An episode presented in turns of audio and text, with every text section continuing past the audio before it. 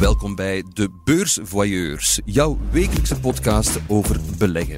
Het onheil is geschied, Poetin draait gaskraan naar Polen en Bulgarije dicht, Elon Musk regeert over Twitter en de beurzen kleuren roder dan Borsato het ooit zou kunnen kwelen. Maar goed, we blijven overal allemaal rustig bij en de moed inhouden in deze nieuwe aflevering van de Beursvoyeurs.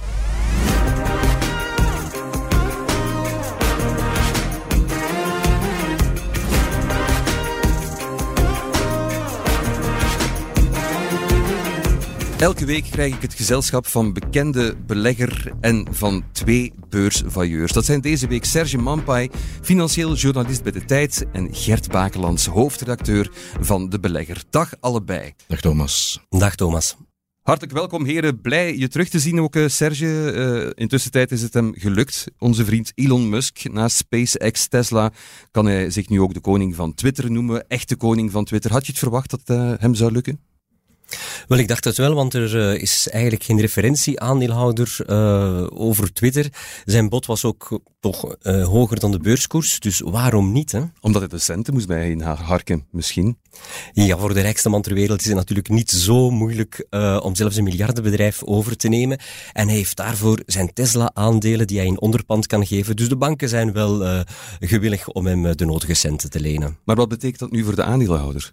Wel, de aandeelhouder heeft natuurlijk de optie, ga ik op dat bod in of niet? Als hij voldoende aandeelhouders kan overtuigen om op het bod in te gaan, dan zal Twitter van de beurs verdwijnen. Ik denk ook, ja, Twitter zelf was nu niet het meest florissante bedrijf, uh, dat het wel loont voor de aandeelhouder om op de korte termijn daarop in te gaan. Oké, okay, spannend. Naast jou zit Gert. Dag Gert. Hey, dag Thomas. Gert, we zijn natuurlijk heel erg nieuwsgierig hoeveel jaarvergaderingen je intussen al hebt afgeschuimd en of het lekker was. Ja, van vorige keer, ja. Nee, nog niet al te veel eigenlijk. Uh, enorm, enorm druk bezig. We zijn bezig met de ontwikkeling van een nieuwe website die volgende week wordt gelanceerd. Dus uh, ah, okay. alle hens aan dek. Maar ik had heel graag naar de jaarvergadering gegaan. Maar ik heb nog natuurlijk analisten die, die daarvoor kunnen zorgen ook. Hè. Ik, ik voel wel de pijn in jouw hart dat je al die dineetjes moet missen. het is niet van die dineetjes, maar er valt vooral veel interessante informatie te rapen. Toch? Ja. Uiteraard. Geert vertelde het vorige week al. Afgelopen zaterdag zou de Vlaamse Federatie van Beleggers Happening doorgaan. Dat is de, de hoogmis van de belegger, begrijp ik dan? Jawel, jawel. Uh, heel interessant. De stemming een beetje gedrukt of uh, naar de toekomst toe, toch? De meeste mensen die ik, die ik gehoord heb, die zeggen van ja, het zal toch niet zo best zijn de komende maanden op de beurs. Ja. Dus een gedrukte stemming, maar uh, ja, altijd interessant om daar weer die, die CEO's te ontmoeten, want die waren daar ook. En, en met die mensen een, een klapje te kunnen doen eigenlijk, hè, uit eerste hand. Kan je daar iets over vertellen? Ben je iets uh, te weten gekomen wat we echt niet mogen missen? Um, ik, Oei, uh, ja. ja. Dat is voor na de uitzending, denk ik. Dat is goed, oké. Okay, goed. Oké, okay, bedankt om dat niet te delen dan, Gert. Uh, benieuwd wat je straks zal meebrengen. Hartelijk welkom. Elke week zit er ook een bekende beursvailleur aan tafel. Een persoon die zich hier onder vrienden eens diep in de beurs laat tasten. Vandaag is dat comedian, acteur, auteur en begenadigd TikTok-danser toch ook, Jacques Vermeijren. Welkom, Jacques. Ik vind dat geweldig tof dat ik hier ook eens mag bij zijn. Hoe gaat het met jou, Jacques? Want ik heb begrepen dat, uh, dat je aan het herstellen bent van een schouderbreuk. Heeft dat met met een TikTok-filmpje te maken? Nee, dat heeft met een hondje te maken van mijn dochter. Ja. Uh, en ik was aan het spelen rond half tien s'avonds. En ineens stopt het kleine hondje. En ja, ofwel trap je op dat hondje, ofwel uh, ga je tegen Maak je je schouder kapot. Ja, en ik had een zekere snelheid, want ik kan enorm snel lopen. ja. En het is een domme val. En uh, een complexe schouderbreuk. Ai. En het, hond, het hondje is, is, is, Ja, ja, ja, het hondje okay. heeft er niks van geweten. We zijn nog altijd goede vrienden. Okay, 5 januari is het gebeurd. Amai, nog steeds aan het herstellen? Ja, ja dat is toch wel een jaar, want uh, het gaat goed. Hè. Niemand kan het zien aan mij, maar kwestie van met de arm, de soepelheid, dat is toch nog uh, een jaartje. Weg. Komen de Olympische Spelen in gevaar? uh, ik ga die andere meedoen, de para. ik ben volop aan het trainen, ja. Jacques, ik vind het wel een beetje verrassend dat je zo bijzondere interesse voor economie en de beurs hebt. Hoe is dat gebeurd? Ik heb uh, economie gestudeerd. Ah, dat helpt wel, natuurlijk. Uh, Sint-Eligius, dat is nu Karel de Grote. Voilà. Dus ik heb daar marketing gevolgd. Dat was toen distributie, dat is naar marketing gegaan. En ik heb uh, enorme goede leraars gehad. Meneer De Muiter, de, de vader van, van de, van de minister. En uh, ik heb daar enorm veel interesse voor gehad aan economie. Dat was mijn beste vak.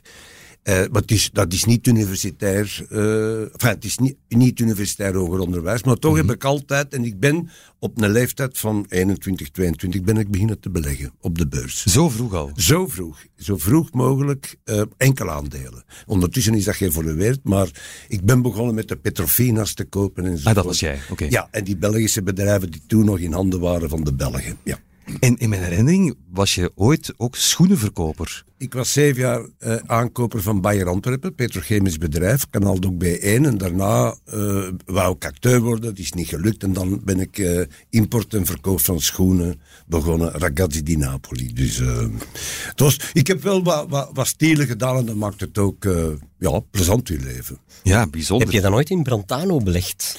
Brantano nooit belegd. Ik, heb, ik ken de mensen wel, maar ik heb er nooit in belegd. Nee, nee. Want die hebben hun zaak verkocht en die zitten nu in zo'n, uh, wat noemen ze dat? Uh, zo'n beleggers... Een retail holding. Ja, ja, die zitten daar nu in. Hè. Die zitten met bakken geld en dan... Uh, business angels geloof ik dat ze dat, dat, dat, dat, noemen. Dat zijn mannen die met beleggingen bezig zijn. Hè. Maar ik niet, hè. ik werk nog. Hè. Ja. Nu, om het met een uh, titel van een boek van jou te zeggen, je blijft ook wel man met de pet, een gezonde interesse, maar toch altijd met de voetjes op de grond. En je bent zo ook een uh, collectioneur van uh, schatten van tastbare waarde ook. Hè? Wat, doe je, wat, wat verzamel je zoal, Jacques? Dat zijn veel dingen. Hè. Ik ben begonnen met stripverhalen. ik heb altijd gedacht, wat kunt je in België goedkoper kopen dan in andere landen? En dat ja. is strip, RG. Ja. Dat is de Franse wijnen, die in België goedkoper zijn dan in Frankrijk. En de cinemafiches. Uh, de Belgische cinemafiches zijn wereldvermaard, betaalbaar. Dus dat zijn mijn basisregels uh, geweest. En dan ben ik uitgebreid altijd maar uh, door dingen bij te kopen. Ik heb ongeveer 15 collecties. dat kan van een colaflesje gaan tot Louis Vuitton, tot noem maar op, Egypte, cartografie. Omdat ik mij, je geeft geld uit, en ik doe dat dikwijls in mijn firma, investering, ja. maar je hebt dat. Ja, uh, we zitten nu ook in een tijdperk waar het, uh, ja, iedereen zit op zijn computer te beleggen en soms gebeuren er rare dingen.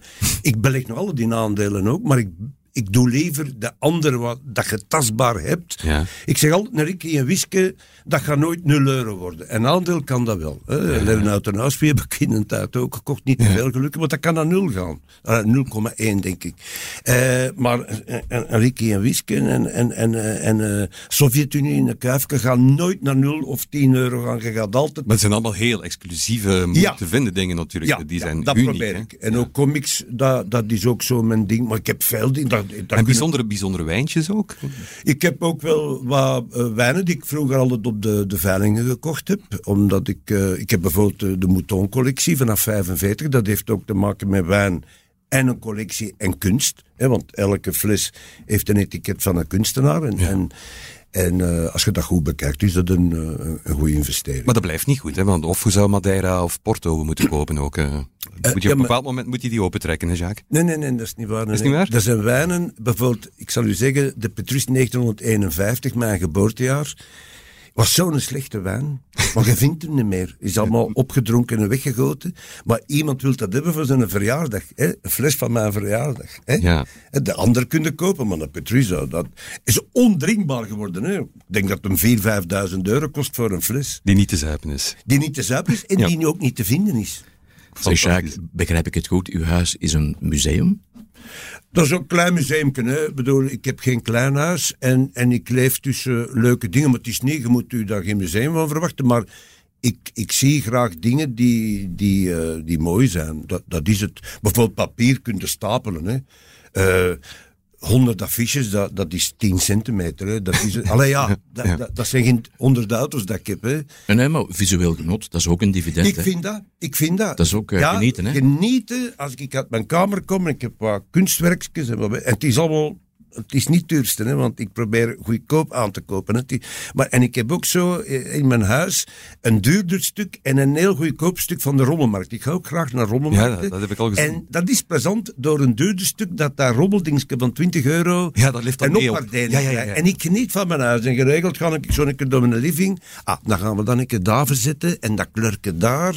En op dat kistje gaan ik een boekje leggen van een Titanic. Ja, ik ben een beetje een, een, een kleine jongen. Ik heb ook insecten verzameld verzamelingen. En schelpen ook, hè. Dus bij mij gaat het heel ver, hè. Collectioneur, dat is Ja. wel duidelijk. Maar hoe, hoe weet je dan dat dingen in waarde gaan stijgen? Ik heb bijvoorbeeld ook nog van die originele platen van eh, Piet Pinter en Bert Bibber. Ik weet niet of je dat veel kent. Die gaan veel geld nu. Ja, ja, je moet, dat, ik, alle dagen volg ik alles op. Tekenaar Pom. Pom. Ja, Ja, Van die- die Pom, ja, ik, ik was Ja. een beetje verliefd op Suzanne als, eh, als kleine iedereen, jongen. gaan geld. Ik heb maar, niet. maar mijn kinderen lezen dat niet meer. Dus ik vraag mij af, binnen 50 jaar Maar heb je gaat de dat nog originele? Heb je de originele tekeningen? Ja, ja, ja, oh, die door de familie verkocht zijn. Er zijn er een paar honderden van verkocht. Eh, ja, twee platen maar, hè, eh, niet meer. Ja, maar die gaan toch wel 2.000, 3.000 euro. Is dat zoveel? Ja, ja, ja, ja. dat, is, dat is een fenomeen. Hè. Dat is niet internationaal, dat is Antwerps. Maar die gaan veel geld. Maar ik vraag mij af of dat binnen 50 jaar nog geld waard gaat zijn. dat is de grote dat vraag die we ons allemaal stellen. hè. Wat wordt het binnen 50 jaar? Ja, Hè? ja. Dan zijn we dood, jong. Binnen 50 jaar zal ik, Sfeermakertje ook, Gert. zal ik waarschijnlijk dood zijn. Hè? Ja. Ja. is jammer. Alleen het het bedoelt.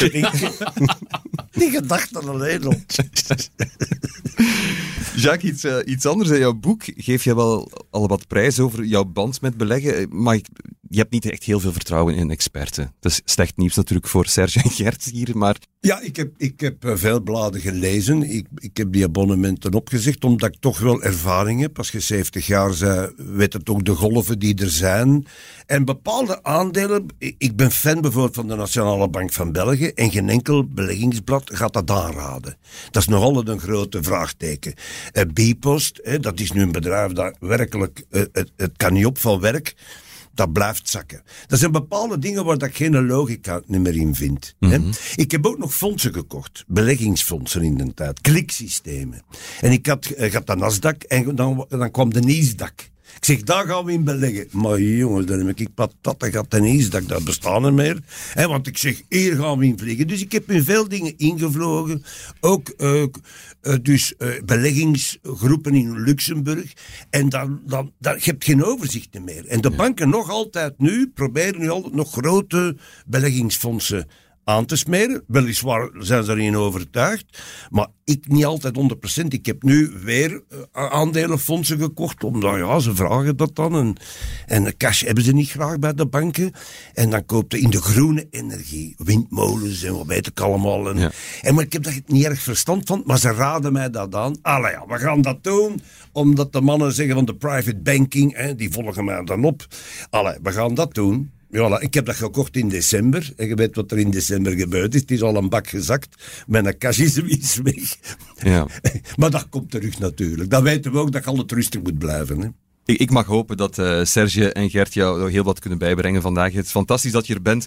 Dat zien we straks allemaal wel. Nu eerst gaan we dus terugblikken met onze vailleurs op de voorbije week.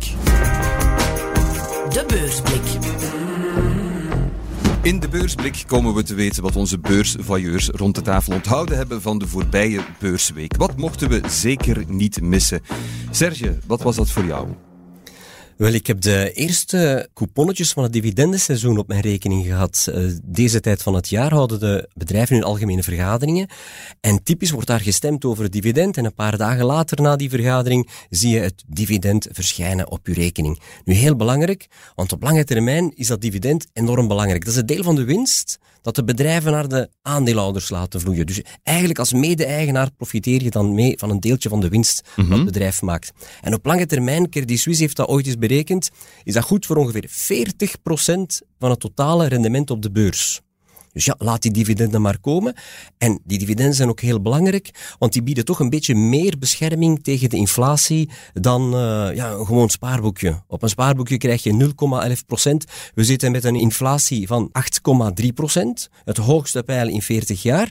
Nu, die dividenden, ja, je gaat die inflatie daar niet mee bijbenen, maar je krijgt nog altijd 3,2% bruto. De staat moet daar natuurlijk zijn deel van hebben. Die gaan daar 30% van afromen. Maar netto heb je nog altijd ongeveer een, een, een eh, 2,3% eh, netto dat je overhoudt. Nog Dus altijd toch meer dan een spaarboek. Absoluut. En er zijn ook bedrijven die in staat zijn hun dividenden meer te laten stijgen dan de inflatie. Er zijn bedrijven op de beurs van Brussel die hun dividenden meer dan 10% laten groeien. Ja, dus het belang van dividenden ontzettend groot. Absoluut. En het is altijd heel, uh, heel, heel tof dat je eigenlijk gewoon door niets te doen, door in het verleden te investeren, dat je je rekening ziet aandikken met uh, ja, liefst vette dividenden natuurlijk. Ja, dat is ook belangrijk. Mensen hebben vroeger veel hard gewerkt en gespaard met het idee van later ga ik een stukje rentenieren. Kunnen leven van, van, van mijn spaargeld. Hè? Rente rentenier. Het is niet plezant hè, om rentenier te zijn. Dus het gaat nu niet. En daar vind je toch op de beurs een, een alternatief, een, een stuk inkomen. Hè. Belangrijk ook, en wat veel mensen niet weten, denk ik, in België, 800 euro bruto aan dividenden is vrijgesteld van roerende voorheffing. Je betaalt nu wel 30%, onmiddellijk wordt er van afgehouden, maar via de personenbelasting kan je dat recupereren. Dus 30% op 800, Pas op, kan je, kunnen toch kan je nog eens eten. goed hè. mee gaan eten, absoluut. Ik vind dat wel, dus dat mag je ook niet laten liggen. Of een filmaffiche kopen. Bijvoorbeeld. Dus, Bijvoorbeeld, ja. Maar ik heb ook eh, dividenden. Hè. Ik bedoel, eh, ik, ik, bijvoorbeeld Intervest Offices en Warehouses, die hebben Ja. ook een, een proper van 5 à 6 Ja, procent. ja, ja. ja. Eh, dat zijn En zo die doen het heel goed. En zoals de Nationale Bank van België heb ik een heel pak, omdat die toch nog altijd een proper dividend geven, wat dan nooit aangeprezen wordt. Ik, ik ken de reden. Bipost, ja, die investeren hun winsten waarschijnlijk om hun bedrijf te moderniseren. Bijvoorbeeld Die, een die lo- post keert, keert voor het eerst Ja? in drie jaar terug een dividend uit. dat is goed nieuws voor jou. hè, Dat is heel goed Ja. nieuws. Ja. Dat is nodig. Gaat het nog niet- We staan maar 5 komen en een klets. Je gaat nog geen couponnetjes zien binnenkomen dan. eh. Nee, want ik, dat komt via Bolero bij mij. Hè. Dat komt zo binnen met een mail. Hè. Ja, fantastisch. hè. Ja, kunt terug op ik restaurant. Ja, ja. De clue is de goede selectie maken natuurlijk eh, als je dividenden of, of toch een, een mooie winst wil, eh, wil krijgen. Kan je een voorbeeld geven? Welke bedrijven moeten we echt in de gaten houden? Wel, ik geef de voorkeur aan bedrijven die hun dividenden kunnen verhogen. Die dus zeker in deze tijden prijszettingsmacht hebben, waar de producten en diensten erg gewild van zijn, die dus hun winsten kunnen optrekken en uiteindelijk ook de dividenden, want daar is het toch ook om te doen. Eh, Dat zijn bedrijven uit het vastgoed. Ik denk bijvoorbeeld aan eh, verhuurders van eh, logistieke panden, waar heel veel vraag naar is. De bedrijven hebben ingezien dat ze niet alles meer uit China, in China moeten laten produceren, terug meer hier. Ze moeten meer voorraden hebben. Dus een bedrijf als ja, Intervest Offices en Warehouses, eh, VGP, WDP, Montea, de holdings. Heel belangrijk. De holdings zijn ook in staat om hun dividenden gelijk, eh, gelijk, redelijk gelijkmatig op te trekken. Denk bijvoorbeeld aan een Akkermans en Van Haren, eh Brederode, Wassauvage. Die dividenden stijgen allemaal met meer dan 10%. Maar ook bedrijven uit de industrie bijvoorbeeld. Jensen, dat industriële wasmachines maakt. Het heeft fabrieken in China. Ja, je moet blijven wassen natuurlijk. Die hebben een klein beetje afgezien, eh, omdat het toerisme een beetje slabakte door de coronacrisis. Maar nu zijn die er terug bovenop. Dividend stijgt veel meer dan 10%. Natuurlijk, niks is verzekerd. Hè. Elk bedrijf kan niet zo voorkomen dat het plots dat dividend wegvalt. Maar je kan dat opvangen door spreiding. Er bestaan fondsen, trekkers ook, eh, van zogenaamde dividendaristocraten. Dus bedrijven met, met een hele historiek, die moeten dan minstens 20 of 25 jaar een, een historiek hebben van stijgende dividenden elk jaar, ondanks de crisis ertussenin. Dus met een bepaalde reputatie op een heel gesprek, al die bedrijven erin, dus dan ben je toch wel, eh, heb je toch wel veiligheid, mag je dan toch wel noemen dat je, dat je er goed zit qua, qua dividenden dan. Hè? Aristocraten, klinkt ook ontzettend goed natuurlijk. eh. Chic, heel chic, ja. Dankjewel eh, Serge. Gert, wat heb jij voor ons meegebracht? Goh, iedereen eh, praat over gas en olie, dat allemaal zo duur is met de oorlog van Ja, die kraan is ook al dicht naar, naar Bulgarije en Ah, naar wel, ja, die- toe. Ja, inderdaad. Maar ook zachte grondstoffen. Hè. Oekraïne niet vergeten, de graanschuur van Europa. Maar ook de grootste producent eh, van zonnebloemolie. Oké. En dan zie je dat de wereld gaat kijken naar alternatieven, hè, naar andere plantaardige olie. En dan komen ze terecht bij soja, bij, bij, bij palmolie. Maar de voedselprijzen die stijgen in het algemeen. En je hebt op tv al gezien, Sri Lanka bijvoorbeeld, onrust. Hè. Mensen, ja, eh, er is armoede. Hè. Maar ook in Indonesië bijvoorbeeld, dat is het, het grootste, de grootste producent van, van palmolie. Ook daar uit de voedselprijzen naar boven. Eh, onrust. En daar heeft eh, de regering gezegd van, kijk, deze week van die palmolie, we gaan die export, we gaan dat verbieden. Enfin, zo kwam het in het nieuws. Hè. Achteraf bleek dat een halve kwakkel, eh, dat enkel een, een soort van verwerkte palmolie, bakolie eigenlijk, dat dat Ja. niet meer mocht geëxporteerd worden. Maar ondertussen was die palmolie nog eens extra 10% gestegen, viel daarna wel terug, maar ja, de voorbije dagen terug opnieuw die, die stijgende trend hervat.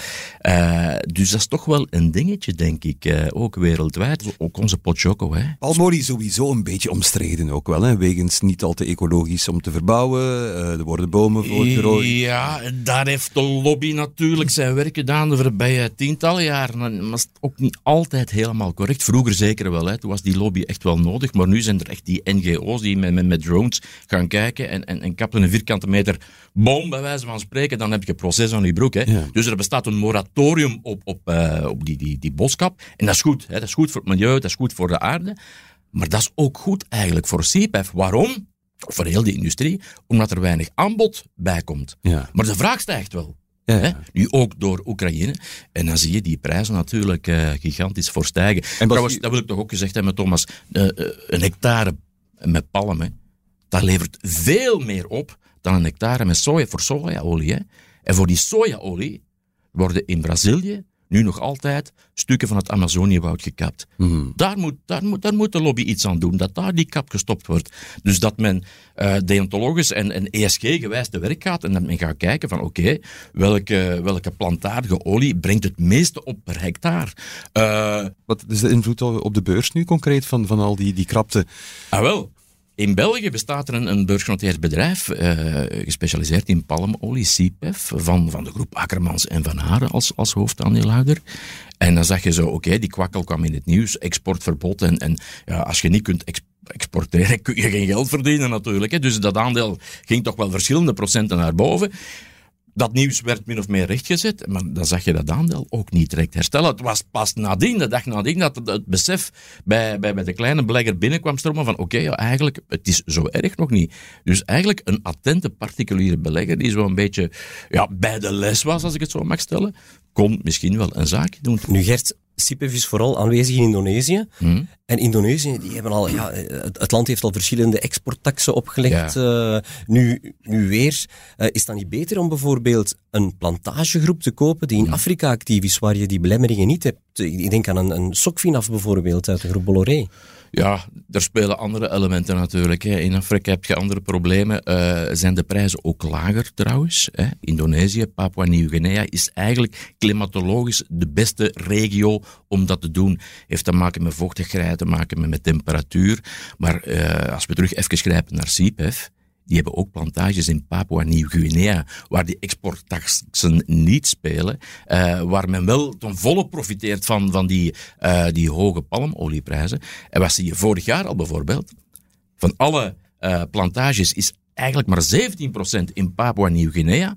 En wat zie je? Dat 40% van de omzet eigenlijk van datzelfde land kwam. Dus dat je eigenlijk daar toch wel een, een soort van hefboom-effect hebt. Trouwens, CIPEF zit ook in Afrika, weliswaar met bananen. Investeer jij in bananen? Nee. Jacques, nee. Nee. Palmolie? Nee, nee, daar heb ik geen verstand van. Je kunt niet alles verstand hebben. Nee, natuurlijk niet. Maar ik ben wel heel benieuwd wat jij voor ons meegebracht hebt uh, vandaag. Een artikeltje in het laatste nieuws. Een heel klein artikeltje, zo'n zo klein prulletje, waarin stond dat van de 6,7 werkende mensen die de leeftijd hebben om te werken, dat daar een miljoen zeven niet werkt. Mm. Dat op de 6, 7 die moeten werken, de kinderen, oudere mensen, ik ben er niet bij, ik ben 70 jaar, hè, ik moet niet werken. Hè, maar dat daar 1,7 miljoen mensen niet werken door werkloosheid, door ja, openbare onderstand, denk ik. Dat, dat vond ik uh, heel veel voor een land met 11 miljoen 8, waar dat dan 5 miljoen mensen werken voor een hele... De, de werkgraad in Vlaanderen veel hoger ligt, bijvoorbeeld dan Wallonië, en nog veel meer dan in Brussel, waar dat we denken rond de 60 procent maar zitten. Van de mensen die zouden moeten werken, die niet kunnen werken door omstandigheden. En, en hoe, hoe kijk je daar als... Ja, je bent 70, jij hoeft niet meer te werken, maar je werkt toch nog. Dat is, maar dat, het, is, het is wel de generatie die, die ervoor moet zorgen dat, dat uh, iedereen uh, op ja, een bepaald moment kan zeggen, stoppen met werken. Dat wil zeggen dat de oudere mensen gelijk ik nog echt functioneel zijn in deze maatschappij. Die mogen afgeschreven worden. Het hangt op. Dat, dat is, er zijn veel oude mensen die nog graag willen werken. En je hebt veel jongere mensen die niet willen werken. Dus Allee, dat is een beetje praten van mijn eigen, maar, maar een, een 65-plusser, ik ben 70, dat zijn mensen die, nog, die graag werken. Ja. En zet die meer in om die mensen die misschien niet zo graag werken. Maar dat zeg je nu, Jacques, maar dat de jonge mensen niet zo graag werken, zou dat zo zijn? Ja, maar dat heeft ook te maken met mensen die in ziekenhuizen zijn. En dat heeft met veel dingen te maken. Hè? Met, met, met mensen die er binnenkomen. Maar het is 1,7 miljoen van de, van de 6,7. Dus dat is toch wel immens. En dat in tijden waar werkgevers zoeken Ja. naar personeel. En dat maakt mij persoonlijk ongerust. Want zoals nu, het, het consumentenvertrouwen is aan het dalen. Hè. Als die eindvraag als die een beetje terug stilvalt, ja, dan zal je zien dat ook de economische groei afzwakt. Misschien zelfs een recessie. Krijgen we terug opnieuw stijgende werkloosheid. Wat dan? Wel, het heeft verschillende redenen. Eh, een heel groot deel zal natuurlijk eh, echt zijn. Maar ik denk ook dat we meer moeten werken aan de activering van mensen. Het heeft ook gevolgen natuurlijk voor, hè, voor de pensioenen. Hè. Ik bedoel, als eh, we zitten in een, in een repartitiesysteem, dat wil zeggen dat eh, de mensen die nu werken, dat die moeten zorgen voor, voor de mensen die op verdiend pensioen zijn.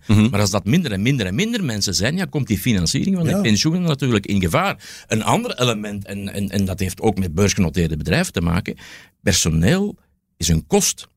En ja, de- het is een hoge kost in België. Ook, ook wordt heel zwaar belast bij arbeid. Maar waarom is dat? Ja, als je, als je meer mensen aan het werk kan zetten, ja, dan kan je het ook verdelen over meer mensen. Dan wordt die, die, die, die, die last die wordt ook minder groot. Hè. En eh, dan heb je ook meer financiering om die pensioenen, om mensen een deftig pensioen te betalen.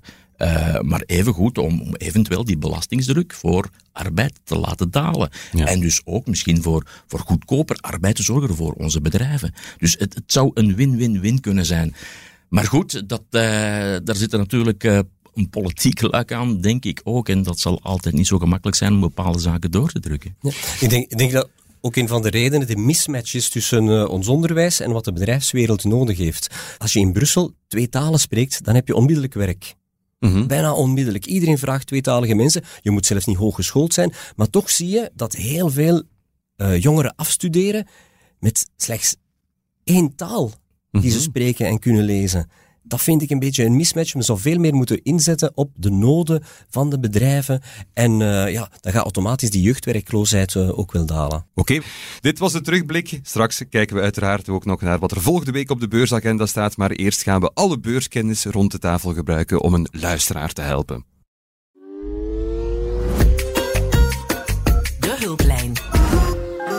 Onze hulplijn stond ook deze week weer roodgloeiend. Daar zijn we ontzettend blij mee, want we zijn hier om u te helpen, beste luisteraar. En deze keer heet onze luisteraar Nathalie. Dag Nathalie.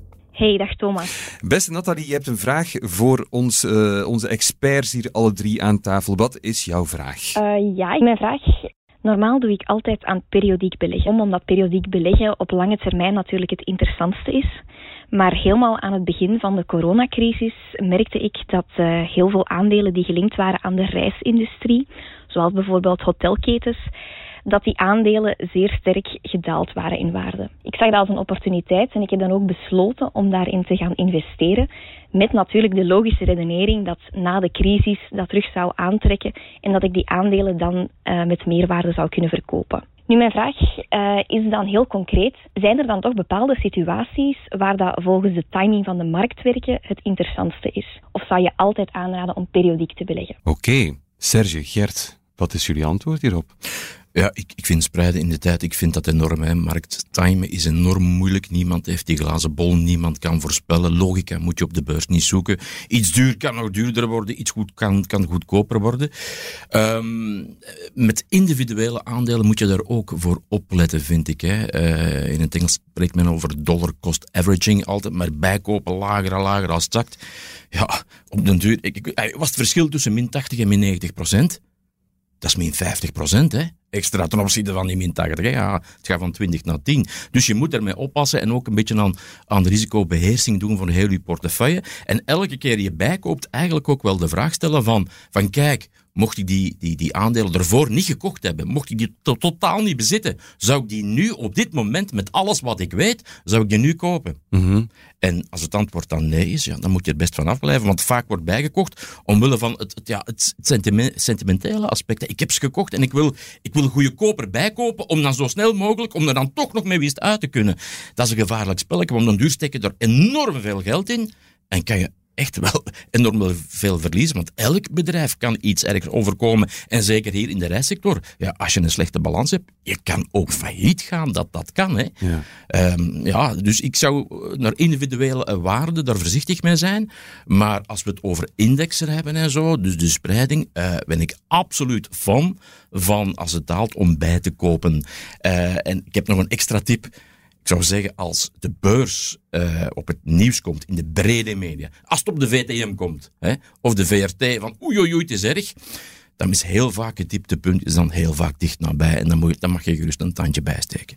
Dat is een eh, heel, heel mooie tip al. Ik ga nog even naar Serge. De, de- wat wil je er nog aan toevoegen? Want laten we toch eerlijk zijn, het, allereerste idee van Nathalie lijkt een, een beursleek als mij heel erg logisch. Ja, nu kopen, want dat gaat terugstijgen als die coronacrisis eh weg hebt. Wel, ik, ik zou daar twee dingen over eh, willen zeggen. Ten eerste, zoals dat Gert verteld heeft, ja, de markttimen is inderdaad aardsmoeilijk. Moesten we dat kunnen, dan zaten we allemaal met een goede triple of een Chateau Petrus op ons eigen tropisch eiland.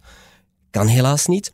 En eh, JP Morgan heeft er ook eens onderzoek eh, naar gedaan. Je kan nooit weten wat de goede dagen gaan worden. Als je de voorbije 15 jaar de 10 beste dagen op de beurs had gemist, dan halveert uw rendement. Dus een, een gigantisch verschil en je weet het gewoon niet. Maar dat betekent niet dat je geen nuances in timing en qua aankopen eh, kan leggen in je portefeuille. Bij het uitbreken van de oorlog in Oekraïne bijvoorbeeld, ja, gebruik gewoon je gezond verstand. Ik heb zelf bijvoorbeeld bepaalde aandelen gekocht door die oorlog. Eh, Oekraïne werd altijd omschreven als de graanschuur van de wereld. Nu, als Oekraïne geen graan meer kan exporteren, ja, het graan wordt duurder, maar er zijn landen die veel graan produceren, die daar wel van gaan profiteren. Daarom heb ik bijvoorbeeld Amerikaanse landbouwaandeel Archer Daniels Midland gekocht, met een mooie winst. Als Rusland zijn olie en gas niet meer kan leveren, ja, Amerikaanse producenten hebben daar geen last van, maar die profiteren wel van die hoge prijzen. Een Occidental Petroleum bijvoorbeeld, zoals dat de superbelegger Warren Buffett eh, zwaar heeft bijgekocht. En eh, ja, als je niet echt inzit met duurzaam beleggen, de wapenfabrikanten hebben het eigenlijk ook heel goed Ja. gedaan. hè. Eh, En Rheinmetall bijvoorbeeld, een, Duits- een Duitse maker van, eh, van de Leopard-tanks, van Zitten er ook wat, wat, wat- panzervoertuigen. wat chemische wapens ook ergens in een leuk aandeel? Want uh, daar is misschien ook nog iets Er, in de er, zijn, er zijn waarschijnlijk bedrijven die daaraan bijdragen. Eh, het is niet duurzaam, maar als je echt alleen let op je portefeuille, Ja. ja, er, er zijn altijd beleggers die die aandelen kopen. Anders stonden ze niet op de beurs, anders waren ze niet gestegen. Nathalie je had eh, beter in wapens geïnvesteerd, eh, onthoud ik vooral eh, uit de Dat, uitleg dat, van dat heb ik niet gezegd, hè. maar wel bijvoorbeeld in, land, in Amerikaanse landbouwaandelen. Het onderwerp was wel eh, spreiden in de tijd natuurlijk en een bijkopen. Nog een iets andere nuance. De vraag is nog net iets anders, denk ik, Nathalie. Eh. Ja, ik denk dat ik wel een, eh, een mooi antwoord heb gekregen op mijn vraag. En ja, het is duidelijk dat ik sowieso moet vasthouden aan het, eh, aan het spreiden in de tijd, aan die periodieke beleggingen. Mijn vraag was ja, eerder hoe dwingend die markttiming is. Hè. Ik heb door te springen op die aandelen in de reisindustrie wel een hele goede deal kunnen doen achteraf. Dus ik denk dat ik van eh, nu af aan ga focussen op die periodieke beleggingen, zoals ik al deed. Maar dat ik inderdaad, hè, zoals jullie al aangeven, met die wapens, met dat graan, dat je dan soms wel eens een opportuniteit kan spotten waar dat je dan in kan meegaan. En ja, ik weet wat er mij te doen staat, dus dank jullie wel. Zeker blijven doen, Nathalie. Dat is fijn om te horen. Dankjewel voor je vraag, Nathalie. En zit je, zoals Nathalie, thuis zelf met een vraag voor onze voyeurs? Laat het vooral weten. Podcast.tijd.be, wie weet, hang jij volgende week aan onze hulplijn.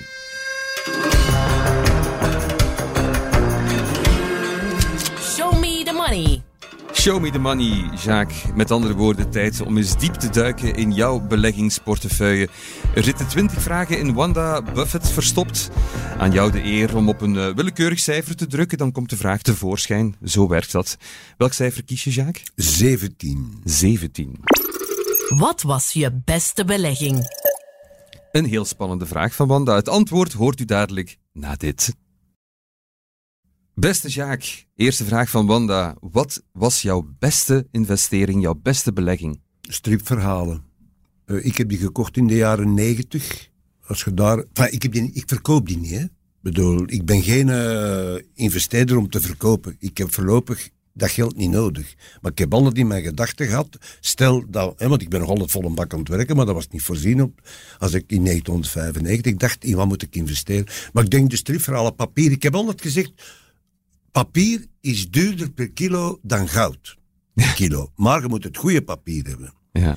En ik heb eh, goed papier. En dat is ook, het- rendement ervan is, ge, is het meest gegarandeerd. Nee, want die prijs staat overal. Je kunt dat lezen, maar je moet hem ook nog verkopen. Ja. Hè, dat zijn normaal de winkelprijzen. Want het is niet omdat er een boek 6000 euro staat, dan een winkelier aan u 6000 euro Je gaat moet een andere Jacques Vermeijeren zoeken die het wil overkopen. Ja, je moet dat aan, een aan, aan, en aan iemand, eh, bijvoorbeeld eh, de mensen hier rond tafel, die willen puur die in de Sovjet-Unie, in niet de perfecte staat. Want als die in perfecte staat zou zijn, dan spreken we misschien over 120.000 euro.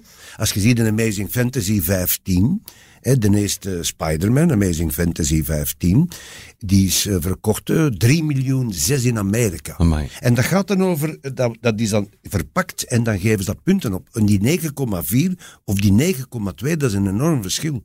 Ja. Dus in papier kun je enorme winsten maken. Maar ik heb natuurlijk, ik- ik heb de Amazing Fantasy 15, maar ik heb maar een staat van 1,5. Maar natuurlijk, Nog altijd niet verkeerd natuurlijk. dat is nog altijd niet verkeerd. Nee. Dus die, die prijzen gaan ook wel mee. Ja, en misschien is die van mij nu maar 16.000 dollar waard, maar ik heb die wel gekocht voor 3.006 Ja, ja, ja. omdat het wereldrecord is nu boven de Batman en de Superman, is nu de Amazing Fantasy 15. En ik heb die.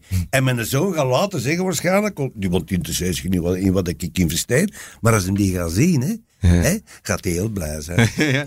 En de, en de eerste, twee met eerste open FC de kampioenen? ik heb die allemaal, ik zal u één ding zeggen, dat, dat heeft geen waarde. Maar ik heb de eerste druk, hè, zal het gaan, ja, hè, Ja, ja. heb ik er 50 gekocht. Ja. Aan de normale prijzen. Maar ik ben zeker, als je qua rendement spreekt, maar ik kan er niet doen, als ik er zo pak en ik laat dat thuis er allemaal een handtekening zetten en ik, dan is dat veel meer waard. Hè. Maar ja, dan zijn we bezig van 2 euro naar 25. Ja, maar dan toch. kun je zeggen maal 10. Dat maakt het niet. Maar van 3000 naar 30.000, dat is iets anders. Hè. Dus ik zeg altijd, papier, en dat wordt nergens geschreven, papier, de kilo is duurder dan goud, de kilo. Maar het goede papier. Daar staan jullie van te kijken, hè? Gert? Ja, ik ga eens eh, bij de slechte gaan zien wat van die strips eh, te vinden Maar bij de slechte vinden dat is Ik vrees ervoor, Die ik vrees die- ervoor. Die kennen ook hun prijzen. Hè? Oké, Jacques. eh, nog een eh, cijfertje? Eh, zeven, hè. Nummer 7. Wat is jouw strategie? Mijn strategie, zoals de, de grote experten, spreiden. Risico spreiden. Dat is ook in aandelen, 20, 25 aandelen. Je moet weten hoe spreiden. Maar natuurlijk, ik zit veel breder in het spreiden. Bij mij zijn aandelen één van de 15 die gespreid worden. Er zitten ook stripverhalen in. Dat is één van die 15 cinemafiches. Beetje wijn, een beetje dit, een beetje dat.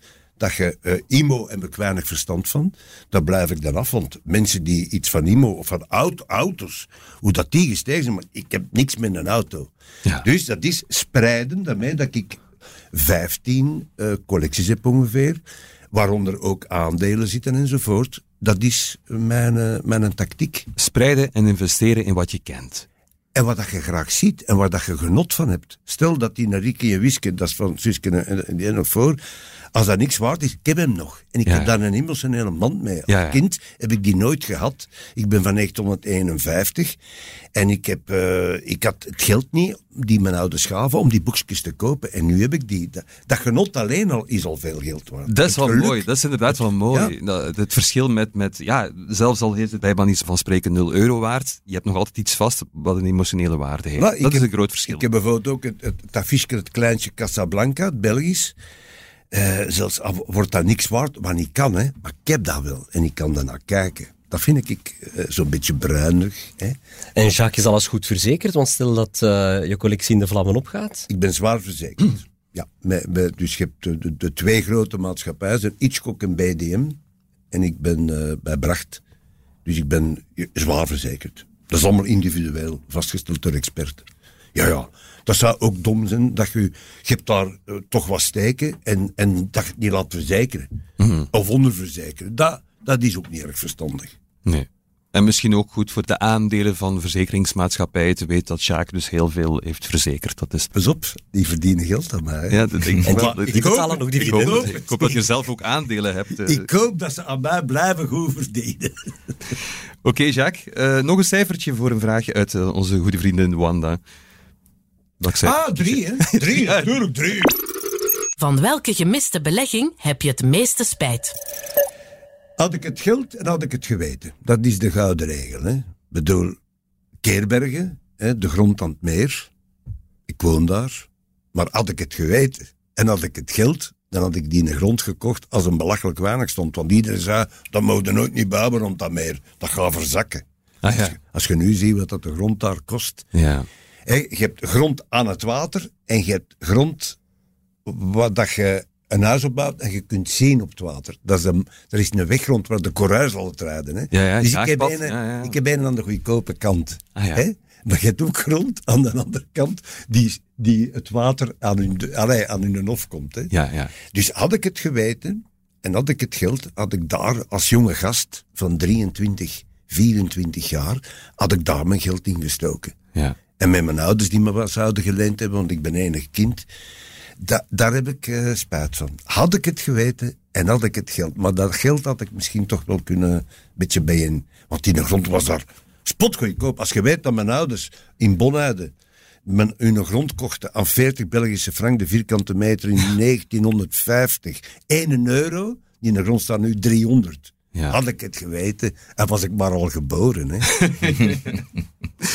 Oké, Jacques, nog eentje. Eh 17, hè? Opnieuw 17. Nog, nog eens 17. 19. 19. Oké. Wat is jouw einddoel? Mijn einddoel, Ja. financieel. Ik denk het. eh, Wanda wil meestal eh, dingen over centen weten. Ja, mijn einddoel is dat ik niks moet verkopen om geld te hebben. Daarmee dat ik ook nog altijd graag werk. Het is altijd jammer, je hebt dan leuke dingen en dat zat in mijn kop. Als, wie had er verwacht dat ik nog op mijn 70 jaar een carrière zou hebben? Ik heb dat nooit verwacht. Hè. Dus dan had ik in mijn gedachten, dan ga ik die dingen moeten verkopen met winst. Hè. Ja. Maar ik wil die dingen niet graag verkopen. Ik koop nog geregeld, maar ik verkoop niet graag. Waar wil ik eindigen? Al werkend. Ik heb nu tegen mijn manager gezegd, hè, want die mens die moet nog, eh, in, in- allee, nog geld verdienen in zijn leven. Ja, ja. Heb ik hem nu beloofd dat ik probeer tot een 80 nog te werken. Ah ja. Dat houdt u ook jong. Ik heb jonge kinderen. Dus mijn einddoel is om te blijven werken en dat ik nooit niks moet verkopen. En dat mijn kinderen er later kunnen gebruik van maken. Ik zeg altijd, zelf ook in uw firma heb je een miljoen euro. Dan heb ik liever dat er 700.000 euro in steekt aan dingen die ze moeten verkopen. Of dat ze daar ineens een bak geld gaan binnenkrijgen. Maar nu denk ik wel net aan iets, Jacques, want, want jij, jij, jouw collectie is, is heel persoonlijk, is, is emotioneel. Eh, moet je toch de kinderen dan ook niet een beetje klaarstomen van als je dit ooit verkoopt onder die prijs, dan kom ik spoken bij u. Dat- Ah, maar ik ben geen agressieve vader. Nee, nee, nee. ik ook niet. Ik ook niet. Maar Nee, nee. Stel, als je dan weet van, oké, ze moeten toch wel op de hoogte zijn Nee, van de waarde ja, ja. van al die spullen. En Nee, nee, dat is maar de- ze weten, alles is per stuk verzekerd. Ze weten alle steken. Ze- de, mensen kennen ze, ook bank, dit, dat. Ik, ik, als ze aan mijn tafel zitten, geef ik nog eens even les. Opgelet, wat ik bijgekocht heb. Je moet niet denken dat, maar dat is dat. Ja, ze moeten wel... eh, Maar zien ze het even graag dan, dan nee, nee, nee, dat is het jammer, hè. Ja, ze vinden dat tof, ja. Ja, Ja. Oh, dat is tof, ja. ja. Maar dat gaat komen, hoop ik. dat, Want dat zou wel eens kunnen, ja. maar als ik 23 was, was ik al vol een bak bezig toch met, met geld. ja. En dat hebben zij niet. Ja, die hebben een andere opvoeding gehad. Hè. Ja. Ik kom van eenvoudige mensen. Onze papa was eh, de gendarmerie, mijn moeder was huismoeder. Ik wou van, maar mijn kinderen die hebben nooit iets tekort gehad bij mij. En, en ik heb mijn kinderen op latere leeftijd gehad. En dat zijn geen materialisten, die vinden maar normaal. En die zijn niet mee. Want bij mij is dat ook omdat ik het graag zie.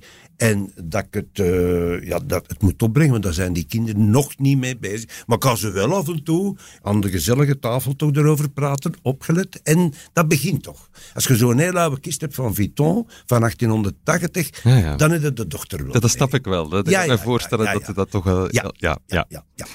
Oké, Jacques, nog eentje. Welk cijfer kies je? Eén. Wie is jouw grote beleggersvoorbeeld? Ja, dat is Mark Koeken natuurlijk. Hè. Ik ken Mark Koeken al heel lang. We zijn, mogen we zeggen, kameraden, goede kameraden. Uh, ik ben fier dat ik die heel goed ken van in een beginfase. Uh, we zaten een keer samen op vliegtuig in New York. En, en als je weet welk parcours, ik ben nog naar lezingen van hem gaan kijken. Hij is ook nog naar mijn optredens geweest. Maar als je ziet wat dat die bereikt heeft en dat hem toch met Perigo een bak geld binnengekregen. Oké, okay, hij heeft wat moeten laten vallen. Hè. Ja. Maar ja, bon. Een miljoentje hier en daar. Ja, het was, het was honderden miljoenen, maar bon. Oh, ja, oh, ja. Tientallen. We, maar, even hè, als je dan ziet dat hij in 17 bedrijven zit, hè, en, en het een gaat goed, ander uh, meestal gaat nu minder goed hè, door omstandigheden. Maar het is een entrepreneur. En wat die bereikt heeft, als je weet hoe dat hij begonnen is met, met in zijn koffer... Shampoo. Ding, shampoo alleen naar een apotheker te brengen Allee, dat moet het toch wel... Dat is een ongelooflijke verstandige mens ook, hè, die... Want je kunt zeggen, oh, de marken en lichten. Maar je kunt nooit in de 17 dingen schitteren. Hè. Maar wat een verstandige mens dat, dat is, dat is onwaarschijnlijk. Hè. Allee, dat, is een, dat is geniaal. Hè. Ik bedoel, ik ben... Dat is een, een stommerik, hè. Maar, maar ik zit hier wel, hè. Pas op, hè. Nee, het, is, het, is, het, is, fantastisch dat hij met zijn centen blijft investeren in het Vlaamse en Belgische bedrijfsleven. Ik vind dat uh, gigantisch tof. Het, toffe aan zijn karakter is, als wij bijvoorbeeld vroeger, hè, want vroeger speelden we spelletjes, hè, Scrabble op vakantie, uh, vier op een rij, dus op leven en dood. Hè. Ja, ja, alles. Ja, ja. Vier op een rij. Uh, hè. Het bedoel, pingpong, leven en dood. Hè. biljart, leven en dood. Iets anders bestaat er niet Als wij in de koers zaten met, met, twee wagentjes, waren wij vier op een rij spelen met de twee wagentjes. Hè. C4. dat is een speelvogel. En daar zit bij mij ook wat in. Ik vind, en dan zit ik daar soms toch met belangrijke mensen bij die VIP's. Hè? En dan zie je enorm belangrijke mensen dat dat toch allemaal scouts worden als, als de jongens ondereen zijn. en blijft dat plezant op welk niveau dan ook. En, en dat vind ik zo, zo plezant dan die, ik ken er nog, hè, door de markt zit ik soms in een milieu, zo van een bel 20. En ik vind tof dat ik daar ook iets mag zeggen. Ja. hier ook, ik heb iets mogen zeggen. En ja, ik probeer ook in die wereld toch een beetje af en toe een beetje vervol aan zien te worden. Nee, er mochten wel wat meer markkoekjes zijn in ons land. Eh, ik vind dat wel. Ja, dat is ook, want, want ik heb in mijn gebeuren andere mannen wonen van Interbrew, op een domein, ik heb het ook al gezien, hè, de, de Spoelbergs. Hè. Maar dat zijn mensen die je ja, die ziet al een keer op een velo rijden door het dorp. En die leven in een, heel in een domein. En die, die, van die mensen kenden niks. Mark is, is de man die... Die, die, die, die, haakt aan in de Polonaise, ja, voor je het weten. Ja, ja en op café is het een tofste gast. Hè. Bedoel, allee, dat is een Mark ja. En ik vind dat waanzinnig. En dan, die krijgt natuurlijk ook daardoor kritiek omdat een ander licht dan weer verloren is. Ja, maar hij pakt ook alles aan. Op alle fronten zit hij. Hè. Zeg Jacques, ga je eens vragen aan Mark als je hem nog eens ziet of hij eens wil komen naar eh, de beursvailleurs? Heb je hem toch al gevraagd?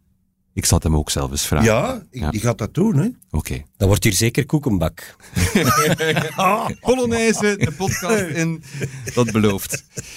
Jacques, het was geweldig dat je hier was. Dank je wel om zo diep in je beurs te laten tasten door ons. Dat was heerlijk. Als ik, uh, ja, als ik, als ik dat eerlijk mag toegeven, was dat fantastisch. Uh, het was bijzonder boeiend en heel fijn om jou erbij te hebben. Dank je wel. Dank u. De blik vooruit. Wat mogen we volgende week echt niet missen? Onze beursvoyeurs lichten een tipje van de sluier op, want ook volgende week wachten boeiende zaken ons op in beleggersland uiteraard. Serge, drukke week voor de boeg. Is er iets waar je specifiek naar uitkijkt? Wel, eh, vooral enkele macro-economische cijfers. De komende dagen krijgen we toch uh, de eerste cijfers over uh, de groei in bepaalde landen. En we gaan dan ook een indicatie krijgen uh, over de impact van de oorlog in Oekraïne, die eigenlijk ja, eind februari, begin maart toch op het vertrouwen is beginnen wegen. Dus we gaan zien wat dat geeft. We krijgen ook cijfers over de inflatie. heeft inflatie gepikt? Economen verwachten een, een kleine terugval van 8,3 naar 8 procent. Nog altijd waanzinnig hoog natuurlijk. Maar ik hoop dat we die piek van inflatie achter de rug hebben. En dat ja, eh, de koopkracht van de mensen toch minder zal aangetast worden. Laten we hopen dat het niet alleen maar onheilspellend nieuws is dan volgende week. Uh, Gert, waar kijk jij naar uit? Ja, gigantisch veel bedrijfsresultaten. Hè. Het is echt te veel om op te noemen. Maar ik kijk, ik heb er straks al gezegd, Hè. Kijk vooral uit naar een geboorte. En trouwens, een collega van mij is uh, eergisteren papa geworden. Oh, gefeliciteerd. uh, Kevin. Maar ook naar de geboorte dus van onze nieuwe website, belegger.be. Dus uh, in, in, niet alleen in een nieuw jasje, maar echt een andere motor eronder. Hè. Dat alles veel beter en, en, en hopelijk feilloos gaat werken. En misschien bij deze weg toch heel veel mensen bedanken. Er is geen bloed gevloeid, maar toch wel zweet en tranen dan toch wel. Dus uh, enorm veel merci aan, aan die mensen. En ik zou zeggen, iedereen welkom. Uitstekend. Jacques, voor jou mooie vooruitzichten binnenkort. Veel mails van Bolero met dividenden. en die komen eraan, hoop ik. Ja, ja. Te zetten bij jou nog hè, met couponnetjes is natuurlijk. Hè. Dan spaar je dat ook, couponnetjes? Oh, ik heb, ik heb veel... Ik, ik had vroeger Euro Disney. Ja. Hè? Ja, die, die, dat is nu. Een rampaandelen. Hè? Maar het jammer is. Het zijn mooie aandelen wel, hè? Prachtig. Maar, ja, maar dat wil ik zeggen. Ik heb ook een collectie oude aandelen. Maar van, vanaf 1700 en al. Dus dat heb ik ook. Okay. Maar aandelen die in een zak waard zijn. Hè? Maar gewoon wat het mooi is. Mooi. Maar ik had er 50 van Euro Disney. Ik heb die gekocht. Die zijn 0 euro. Maar ik heb ze niet meer. Want je mocht geen aandelen meer in de kluis hebben. Dus nee. ik heb die nog willen teruggragen voor, voor in een kadertje te steken, omdat ja. dat mooi is. Zelfs dat heb ik niet. Zie je dat? Maar dat papier, dat, dat is nu het voordeel. Kunstwerkjes, hè? Maar dat, had ik die gehad, hadden die nu ook een waarde, want die worden verkocht. Dus ja. je ziet, had ik die in mijn bezit gehad in plaats... In de bank, uh, in plaats van in de kluis. Ja, ja, voilà. Dan had ik toch nog genot van die aandelen die ook schaars geworden zijn, omdat ze 0 euro waard zijn. Die van Lennon uit een huis heb ik ook niet. Maar dat zou toch tof zijn, dat je dan een keer kunt Natuurlijk. laten zien. Die hebben mij serieus wel mijn pintje gehad. Hè. Maar ik heb het niet. Dus Ja. je ziet, had ik die gehad, had die toch nog een waarde. Ik onthoud vooral van deze podcast. Investeer in papier. Ja. Goed, dit was het dan. Ik bedank onze beursvalueurs van dienst Serge Mampai en Gert Bakelands. En onze slimme vragensteller Nathalie natuurlijk. En vooral eh, onze bekende vailleur Jacques Vermeijren. Hartelijk dank iedereen. Volgende week zijn we er weer in het gezelschap van fijne beursvailleurs en een nieuwe bekende vailleur die nog niet veel kwijt wou, maar wel al dit. Graag tot volgende week. Jo, de mannen. Ja, ik zit klaar hoor voor volgende week. Nee, niet nerveus, nee, want eh, ik maak zelf ook podcasts. Dus eh, dat komt vast goed. Ja, eh, de- woordspelingen ga ik dan wel aan Thomas overlaten, best denk ik. Maar het is toch al een tipje van de sluier. Dat, en dat ik ook graag Monopoly speel. Maar dan in het echt. Tot volgende week.